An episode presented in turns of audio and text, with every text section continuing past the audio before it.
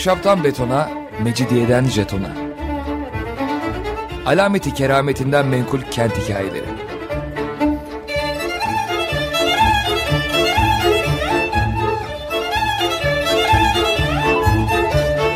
Hazırlayan ve sunan Pınar Erkan.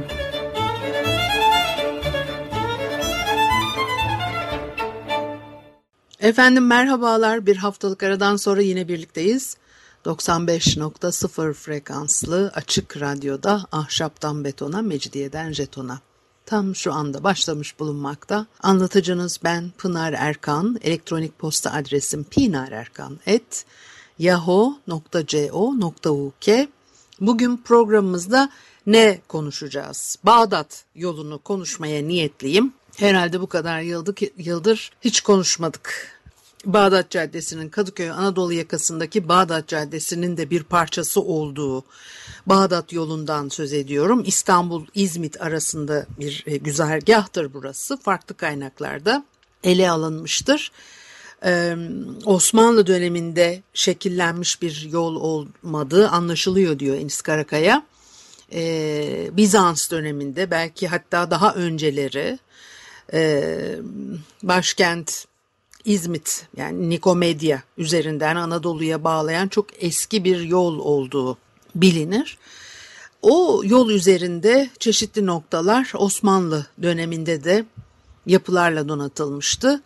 Ee, küçüklü büyüklü e, yerleşim yerleri var. İskeleler, kaleler, sayfiye sarayları var.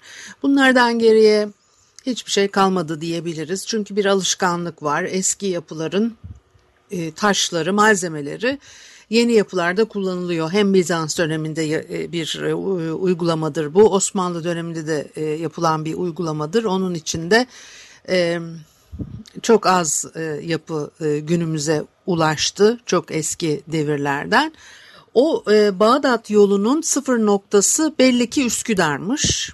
Ordunun da Asya yakasında toplanıp düzenlendiği yer burası ve başkentten hareket ederek Anadolu'ya gitmek isteyen imparator şartlara göre üç seçeneğe sahip. Eğer yolculuk e, Marmara Denizi'nin güneyine yapılacaksa e, deniz sakinse yolun bir kısmını karadan gidiyorlar. Ondan sonra da gemiyle karşıya e, geçmek yerine işte Konstantinopolis'ten e, biniyorlar doğrudan İzmit Körfezi'nin e, güney sahiline iniyorlar. E, eğer e, e, Bağdat yolunu kullanmaya karar vermişlerse o zaman e, gemiyle e, ya Üsküdar'dan e, Kadıköy'e e, geliniyor ve oradan kara yolculuğu yapılıyor. E, o yolculuk Gebze'ye kadar devam ediyor.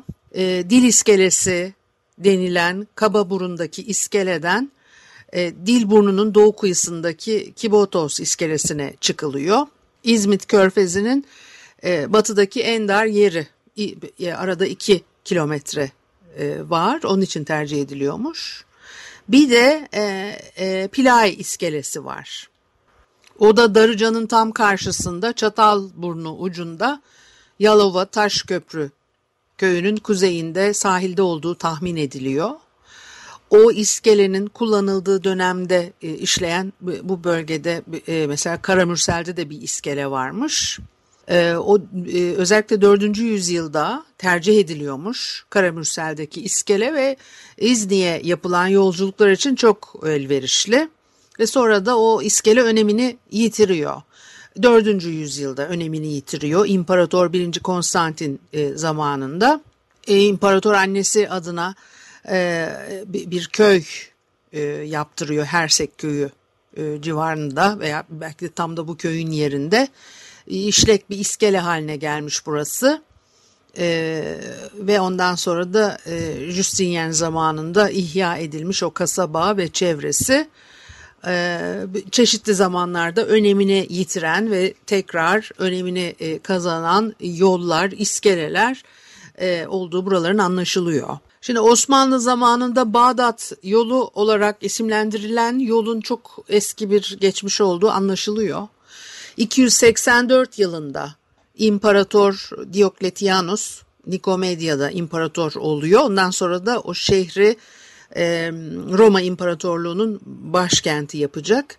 Roma gibi görkemli hale getirmek için çok yapıyı yıktırmış, yerine yenilerini yaptırmış. E, İstanbul'la İzmit arasındaki yolda bu dönemde elbette elden geçiriliyor e, ve e, ihmal ettiği e, düşünülemez tabii ki. Birinci Konstantin döneminden itibaren e, Helenopolis önem kazanıyor. Justinian devrinde de e, e, yolun gözden düştüğü anlaşılıyor. Hatta Prokopius deniz yolculuğunun teşvik edilmesini, karayolunun ihmal edilmesinden e, e, dolayı e, Justinian Justinian'i e, e, eleştiriyor. Hatta alay ediyor onunla. İkinci e, e, Justin ve eşi Sofia önemli bir isimlerdir ve tarihi yarımadanın Marmara tarafındaki e, liman eğer hatırlarsanız daha önce konuşmuştuk. İkinci Justin karısı için süslüyor, püslüyor oraları, heykeller diktiriyor filan. E, işte onun döneminden sonra Helenopolis yerine e, Yalova e, termal önem e, kazanmış. Çeşitli dönemlerde Marmara etrafında ve Kadıköy'den İzmit'e hatta daha da ilerilere giden bölgelerde çeşitli noktaların ihya edildiğini, yolların buna göre önem kazandığını veya gözden düştüğünü görüyoruz. Yine bu yol 11. yüzyılın sonlarına doğru 1. Haçlı Seferi'nde de kullanılıyor. Ee, Anna Komnena için de e, e, yani daha doğrusu şöyle anne Anna Komnena babası e, İmparator Alexis Komnenos'un e, e, bu yolu kullandığını e, anlatıyor, söylüyor. Çeşitli kaynaklarda karşımıza çıkıyor. Şimdi Bağdat yolunun başlangıç noktası Üsküdar dedim. E, Kalkedon'a bağlı bir köy ve Boğaziçi'nin de e, gayet önemli bir e, iskelesi. Şimdi mesela o e, Marmaray kazılarında Üsküdar Meydanı'nda büyük bir Bizans dini yapısının varlığı ortaya çıkmıştı. E, Hristopolis olarak geçer. 6. yüzyılın sonlarına ait e, Meryem'e ithaf edilmiş Filipikos Manastırı. Bir de yazlık saray varmış burada. E, Liknia Manastırı, Azize Marina Şapeli'nin adları da geçiyor yine burada. E, ve Damalis Üsküdar'ın temel bir ana büyük iskelesi Damalis yani Salacak'ta bu günümüzde Salacak olarak anılan harem e, bölgesinde karşımıza çıkıyor. Ondan sonra yol doğuya yönelerek Kalkedon'a e, ulaşıyor. Haydarpaşa civarında yine 1. Konstantin'in 4. yüzyılda yazlık sarayı var. E, kazılarda yapılıyor. Yeni yeni bir şeyler çıkıyor ve daha da çıkacak. Gata'nın bahçesinde kozmo ne kozmo kompozit üslupta mermer sütun başlıkları e, bu çevrede zaten işte böyle parça parça kalmış. Her zaman e, hem tarihi yarımadada rastlarsınız. Bağdat Caddesi'nde e, konakların, köşklerin, bahçelerinde rastlarsınız. Sütun başlıkları, sütun gövdeleri, kaideleri adeta böyle işte dağıtılmış, serpilmiş gibi bulursunuz. E, bu ay e, Twitter'dan paylaştım. E, Oradan bakabilirsiniz gene e, yazdığım yazıda özellikle çift havuzlar ve civarında bulunan sütun başlıkları ve gövdeleri işte çift havuzla bağlantısını e, çifte havuzlar semtiyle bağlantısını e, anlatmıştım. E, o e, Kadıköy'ün Bizans dönemine ait izleri öyle silinip gidiyor ve geriye de işte e, çok fazla bir şey kalmıyor az bir şey kalıyor. E, bir kere Karkedon son derece sağlam surlarla tahkim edilmiş. Ondan sonra 4. yüzyıldan itibaren e, büyüyor şehir ve sur dışına taşıyor. O surların da hükmü kalmıyor elbette. E, e taşların e, Valens su kemerinin yapımında kullanıldığı anlatılır. Boğaz'dan su kemeri yok mu tarihi yarımadada? Kıyısı bataklık, Halkedon'un e, rüzgara kapalı doğu kuzeybatı kısmında iki liman var. İmparator 3. Konstantin'in sarayının altı yol civarında olduğu e, tahmin edilir. Azize Efemiye'ye adanan e, bazilikal planlı kilise e, ve e, e, Martriyonu var. E, yel değirmeninde olduğu düşünülür. Hem Kadıköy'de hem de Yel Değirmeni'nde o Sen Öfemi Fransız okulu e, bugün e, binası yine e, bir okul olarak hizmet vermeye devam ediyor. 19. yüzyılın sonunda buraya gelmiş olan Fransızların o misyonerlik faaliyetleri içinde açtıkları okullardan ön plana çıkan bir kız okulu e, tabii günümüze kalmadı. Binası kaldı sadece. Zaten bu bölgede o dönemlerden kalan bir e, Fransız erkek okulu. Bugün artık tabii karma olarak hizmet veriyorlar. E, ama geçmiş dönemlerde Öfemia ismi e, Kadıköy için e, öne çıkar. E, onu da tabii e, okullara, işte kiliselere, çeşitli yapılara veriyorlar. Bir müzik arası verip ondan sonra devam edelim mi? Efendim Açık Radyo'da Ahşaptan Betona, Mecidiyeden Jeton'a devam ediyor. Haliyle Pınar Erkan'ı dinlemektesiniz. Bağdat yolu e, üzerinde bulunan yapılardan söz ediyorduk. Bağdat Caddesi Bağdat yolunun bir parçası günümüzde. Fakat Bağdat yolunun geçmişi çok eskilere gidiyor. Bilebildiğimiz kadarıyla Bizans dönemine kadar gidiyor. Osmanlı döneminde de önemli bir e, yoldu. Üsküdar'dan başlıyor e, İzmit'e kadar ve ondan sonra da Anadolu'ya da devam ediyor. Fakat biz tabii o kadar ötelere gitmeyeceğiz. İstanbul sınırları içinde kalan bazı enteresan e, bilgileri bu yol üzerinde e, olan enteresan e, e, belki bir iki yapıdan söz edeceğim e, buluntular var. Onlardan e, konuştuk. E, Öfem, Aziz Öfemiye'den e, söz ettim az önce. Yel değirmeni için önemli, Kadıköy için önemli olduğunu e, söyledik. Şimdi mesela Azize Basa Manastırı yine 536 e, yılında Haydarpaşa Deresi yakınında bu bölgede çok yapı var. Ee, belki yerin altını yani Haydarpaşa'da şimdi bir kazı yapılıyor ya bütün Kadıköy'ün altını kazmaya çalışsanız kim bilir neler çıkacak ortaya. Bir de mesela o Kalamış tarafının e, bataklık olduğunu o kadar eski zamanlarda düşünürseniz e, bugün de belki şaşırmayabiliriz. Çünkü bu bölge hep sıkıntılı sorunlu ya kendine has özellikleri olan bir bölge. Şimdi bataklık dedim ama ondan sonra bakıyorsunuz 19. yüzyılın sonunda bir 20. yüzyılda 1950'lere kadar Kurbağalı Dere'de nasıl yüzdüklerini, yüzmeyi burada öğrendiğini anlatıyor insanlar. Bir taraftan da çok e, yine 19. yüzyılda bile derenin koktuğunu öğreniyorsunuz. Aslında çelişkili bilgiler var. Ama e, ya hem nasıl dere bu kadar pırıl pırıl olabilir bu anlatılıyor ama başka kaynaklarda da bir bakıyorsunuz o zaman da koktuğu ve temizlenmesi gerektiği bununla ilgili fermanlar çıkarıldığını ama para bulunamadığını mesela biliyoruz e, Kadıköy'de. Enteresan. Şimdi mesela ne dedim işte bir kilise Haydarpaşa Deresi yakınında dedim. Bir de e, İbrahim Ağa Camii'nin avlusunda e, e, uzun süre durmuş olan e, sütun e, başlığı var. Akantus yaprakları e, ve volütlerle e, süslü bir e, sütun başlığı. İşte bu bölgede çok eski e, dönemlere ait e, yapılardan e, kalmış parçalar. E, sarnıç var yine buralarda ortaya çıkarılmış. O yol e, Kalkedon, Halkedon'dan sonra Moda Burnu'nu, onun arkasından Kalamatyon koyunu, önce Ötropyon'u geçiyor. Ondan sonra da kuzeybatı kısmında Hiera, yani Fenerbahçe ve e, sahilde kalıyor e, Fenerbahçe. Doğuya doğru uzanıyor. Şimdi Kalamatyon dedim bilmem duydunuz mu? Çünkü bu Kalamış ismini nereden almış? Acaba işte burada kamışlar varmış kamışlardan mı almış gibi e, e, fikirler öne sürülür. Ama anlıyoruz ki e, Bizans döneminde de Kalamatyon olarak e, anılan bir e, koy burası.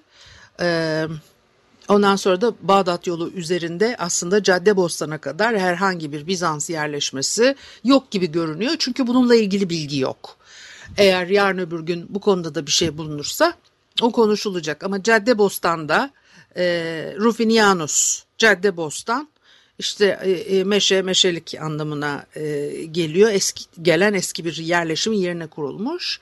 Yine bununla ilgili bu ay yazdığım e, yazıya e, göz atmanızı önereceğim. Onun için de Caddebostan'la ilgili daha fazla bir şey söylemeyeceğim. E, bunu geçeceğiz ama Bostancı'ya geleceğiz. Şimdi Bostancı da enteresan. Poleatikon isimli bir kasaba burası. Bizans döneminde de küçük bir yerleşim yeri, bir liman var. Yazlık saray var yine burada. İmparator deniz yoluyla seferden döndüğünde e, buradan karaya çıkıyor buradaki iskelelerden. E, biraz dinlendikten sonra yoluna devam ediyor ve e, başkente varıyor. O saray e, 7. Konstantin Proferogenetos tarafından e, yaptırılmış. E, Poleatikon ismi Poleia yani e, tavladan geliyor. O genç atların eğitildiği tavladan e, geliyor e, belki de e, Enis Karakaya diyor ki saraya gidecek tayları eğiten bir tavla vardı burada. E, Bostancı'da doğu tarzında işlenmiş sütun başlıkları bulmuşlar. O dört yüzünde de birer monogram yer alıyor. İstanbul Arkeoloji Müzelerinde kayıtlı bir başlık. Poleatikon'da e, Meryem Manastırı varmış. Belki de buradan hani çıktığı düşünülüyor. O manastırın yerinin de tren istasyonunun biraz batısında tren köprüsü civarında olduğu tahmin ediliyor. E, hatta Çatalçeşme civarında tren yolu yakınında bir e, apsit kalıntısı da bulunmuş. Belki o da bu manastıra aitti. O Çatal Çeşme ismiyle anılan çeşmenin kemer taşlarının sütun gövdelerinden tıraş edilerek e, kullanılan parçalar olduğu anlaşılıyor. Bunu da e, Bağdat Caddesi'ni e, genişletiyorlar 1946 senesinde. O çeşme sökülüp e, 1947 yılının yazında daha içeriye e, alınıyor. İşte bu sırada anlamışlar böyle olduğunu. Dolayısıyla da e, Çatal Çeşme ismiyle anılan çeşmenin kemer taşları sütun gövdelerinden o sütun gövdeleri tıraşlanarak yapılmış. Ee, ve e, Bağdat Caddesi'ni genişletecekler diye taşıyorlar. O taşıma sırasında bunun böyle olduğunu anlamışlar. Ee, o çeşmenin teknesi de bir e, lahitten bozma. Ee, işte hep böyle bulunan o eski malzemeler kullanılıyor. İki yanında hayvan sulakları var. Yine lahtin ortadan ikiye kesilip kenarları mermer e, plakayla e, e, yamanmış. Onları e, yalak olarak koymuşlar kullanılıyor. Bir de 10. yüzyıla ait mermer bir lahit e, Suadiye Polis Karakolu'nun e, yakınında. Yine burada da bir mezarlık varmış belli ki. E, o lahitin de üzerinde yazıt var e, Nikolaos ismindeki bir e, din adamına ait e, olduğu anlaşılıyor e, mezarın. E, dolayısıyla da e, işte Meryem Manastırı ve çevresinde olan yapıların parçaları, kalıntıları e, bir çeşme sokağında payandalı duvar varmış mesela yine böyle denize doğru uzanıyor. Onların hiçbirisi günümüze e, kalmamış e, kablo döşüyorlar Bağdat Caddesi'nin e, e, yanına e, o Bizans tuğlaları e, buluyorlar. Yine burada da belli ki bir Bizans yapısı e, varmış. 1900'lü yılların başında e, görmüşler bu yapıları. Kilise duvarlarından söz ediliyor. Eski kaynaklar yine bu bölgeleri bize anlatan eski kaynaklarda. Hatta doğuda limanın e, mendireği bile belli oluyormuş bir 718'de bir Arap istilası söz konusu bu bölgeye ya İstanbul'u kuşatıyorlar ya o limana e, bazı gemiler sığınmışlar. Ondan sonra da e, ya, limanın da büyük ihtimalle o Bostancı Deresi ile kurulmuş o dere, Çamaşırcı Deresi, Turşucu Deresi arasındaki e, koyun bulunduğu yerde olduğu tahmin ediliyor. E, e, limana ait olduğu düşünülür o denize doğru uzanan payandalı tuğla duvarın. Ama e, günümüze ulaşmadı. Yani 100 yıl önce zaten e, pek çok yapı buralarda e, varlığını sürdürüyordu. Yıkıntılar diyelim hani yapı deyince de sanki sapasağlam ayakta duruyorlarmış gibi anlaşılmasın. Ee, yine sahilden kuzeye doğru uzanan tuğla tonozlu bir tünel parçası varmış. Ee, üzerinden sahil yolu geçiyor günümüzde. Yani bu sahil yolları tabii ben e, e, çok eleştiriyorum. Sahil yollarını her fırsatta eleştiriyorum. Çünkü gerçekten olmaması gerektiğini düşünüyorum ve e, sahil yolları hani böyle hiçbir şekilde savunulacak bir tarafı yok bana göre. Yani şu sebeple yapıldı, bu sebeple yapıldı, çağdaş bilmem ne yok. Bunların hiçbirisini e, ben e, kabul edilebilir bulmuyorum. Ee, şehrin yüz karası olduğunu bunların düşünüyorum. Şehri mahvettiğini düşünüyorum. Hele hele İstanbul gibi bir şehir bilmiyorum. Belki başka şehirlerde yapılabilir. Neyse her şehrin kendine has özellikleri var ama özellikle İstanbul'u mahveden, öldüren e, bir şey olduğu konusunda hiç şüphem yok. Dolgu yolların, yani İstanbul gibi bir şehri her şeyle korumak mecburiyetindeyiz ve bunun için çok radikal kararlar bile alınabilir. İstanbul olduğu için burası alınabilir di ama bunlar yapılmadı ve işte ranta her şey e, kurban e, gidiyor maalesef. E, Yine e, tren istasyonunun arka tarafında işte duran sütun gövdeleri falan var bakıyorsunuz. E, 20. yüzyılın e, en azından ilk 10-20 yılına kadar oradaydılar e, diyebiliriz. E, Edward, e, Edward e, Hügnen'den konuştuk. E, geçmişteki programlarda Haydarpaşa e, Garı'nın işte e, müdürü o Bostancı'daki köşkünden konuştuk. E, oradan İstanbul Arkeoloji Müzelerine müzesine getirilen parçalar var. E, Bizans dönemine ait olanlar var fakat Bostancı çevresinden alınmamış bunlar. E, demiryolu inşaatı yapılırken o güzergahtan toplanan e, parçalar olduğu e, anlaşılıyor. Belki sokaklarda yürürken Bağdat Caddesi yolu üzerinde ara sokaklarda köşklerin bahçelerinde yine gözünüze e, çarpabilir böyle sütun başlıkları, kaideleri, gövdeleri. Bu şekilde de korunmuş oluyor e, bu e, minik minik kalıntılar. Çünkü özel mülk olduğu için buraları çok e, zarar görmeden yani e, büyük anıtsal yapıların belki e, parçası ancak günümüze böyle ulaşabiliyor. Bugünlük de bu kadar olsun. Haftaya görüşene kadar hoşçakalın.